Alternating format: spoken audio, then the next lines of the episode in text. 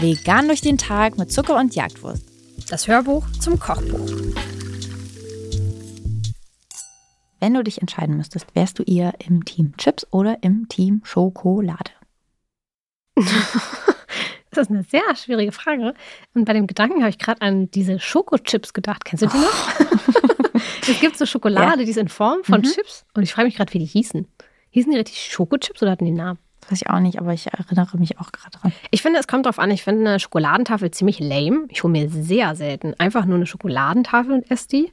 Ich finde aber Schokoladensüßigkeiten an sich nicht verkehrt. Also sowas wie, wenn ihr eine Seite zurückblättert, seid ihr bei Schokokrossis. Ähm, oder so Riegel wie Snickers oder Bounty, die finde ich auf jeden Fall geil. Würdest du dann noch, wenn wir Gummitierchen noch mit reinbringen? Nee, Gummitierchen bin ich gar nicht, okay. kein großer Fan mhm. von. Außer sie sind sauer. Dann finde ich das wieder deutlich interessanter. Aber an sich bin ich, glaube ich, eher der süße Typ. Und ich weiß, dass du eher der herzhafte Typ bist. Du würdest eher auf Chips gehen, oder? Korrekt. So ist unser Blog aufgebaut. Ähm, Schokolade und Chips könnten wir auch heißen. Ja, ich liebe Chips und wenn ihr mir eine Tüte Chips oder eine Tafel Schokolade hinhaltet, werde ich safe die Chips äh, nehmen. Und wenn ihr mir dann noch vegane Sour Cream and Onion Chips geben würdet, mm. Mm, da würde ich umfallen. ähm, es gibt tatsächlich eine einzige Firma, die vegane, nee. Zwei. Es gibt tatsächlich zwei, die vegane Sour Cream Chips herstellen. Die eine findet man in einem Möbelhaus. Und die fanden wir so mittel. Die andere Version ist, glaube ich, eine Biomarke. Mhm. Fängt mit H an. Müsste jetzt irgendwie. Äh, Hört auf mit Eimer gut. Korrekt. Und die waren richtig, richtig lecker. Die haben mich richtig abgeholt. Ähm, die findet man aber leider, finde ich, nicht im Laden. Also die Firma schon, aber nicht die veganen Sour Cream Chips. Und wenn, dann nur in der Linsenvariante. Und jetzt reicht es mir. Nee, das möchte ich da ja nicht. Ich will jetzt die Kartoffelvariante. Nichts gegen Linsenchips finde ich tatsächlich auch ganz gut, aber in dem Fall möchte ich wirklich genau hm, die Kartoffelchips mit Saucreme. Das war meine Basis. Und wie gesagt, die gab es lange nicht. Und deswegen habe ich überlegt, könnte ich irgendeinen Snack machen, der mich einfach geschmacklich abholt und daran erinnert. Wir machen jetzt keine Kartoffelchips selbst.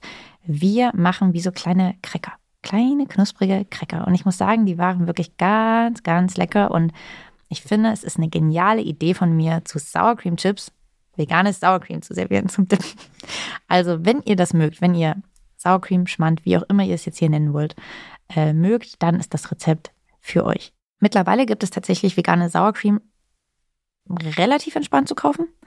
Es gibt einige große Firmen, die mittlerweile also die auch normalen, regulären tierischen Schmand machen und die mittlerweile vegane Varianten davon haben, schaut also da mal nach. Die sind manchmal verwirrenderweise dann auch nicht im veganen Regal, sondern stehen neben den tierischen Produkten äh, direkt dran. Aber wenn ihr gar nichts findet, wir haben auf dem Blog tatsächlich auch ein Rezept für selbstgemachten vegane Sauercreme.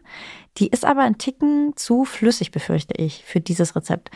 Man braucht schon wirklich eine richtig, einen richtig fettigen veganen Schmand dafür. Wenn ihr den habt, perfekt. Dann ist eigentlich ehrlich gesagt dieses Rezept danach ziemlich entspannt gemacht. Es ist im Prinzip halt ein Mürbeteig, würde ich fast denken. Einfach nur mit ein paar Gewürzen. Da drin findet ihr getrockneten Schnittlauch und den habe ich ehrlich gesagt auch vorher noch niemals benutzt. Ich fand aber wirklich, dass der hier am besten den Geschmack von Schnittlauch so rausbringt, wie ich ihn mir vorstellen würde ich habe deswegen jetzt diese Packung getrockneten Schnittlauch, irgendwie gab es auch nur in einer Riesenpackung mhm. und werde wahrscheinlich bis an mein Lebensende damit vegane Sour Cream Onion Cracker machen können. Ich Weil wofür benutzt man den noch? Eigentlich nimmt man doch dann frischen oder ja, ich finde, das ist was, wo man manchmal vielleicht in so Suppen oder so streuen würde. Aber es ist auf jeden Fall die ungeilere Variante. Mhm. Aber ähm, dadurch, dass der getrocknet ist, hat der halt schon so ein bisschen diesen Chip-Gewürz-Vibe mhm. finde ich. Und das passt dann tatsächlich sehr gut. Ja, ich fand den wirklich für diese Onion-Note, also würde mhm. ich sowieso, wir geben jetzt hier auch Zwiebelpulver ran, aber ich finde, das irgendwie braucht man auch noch mal ein bisschen.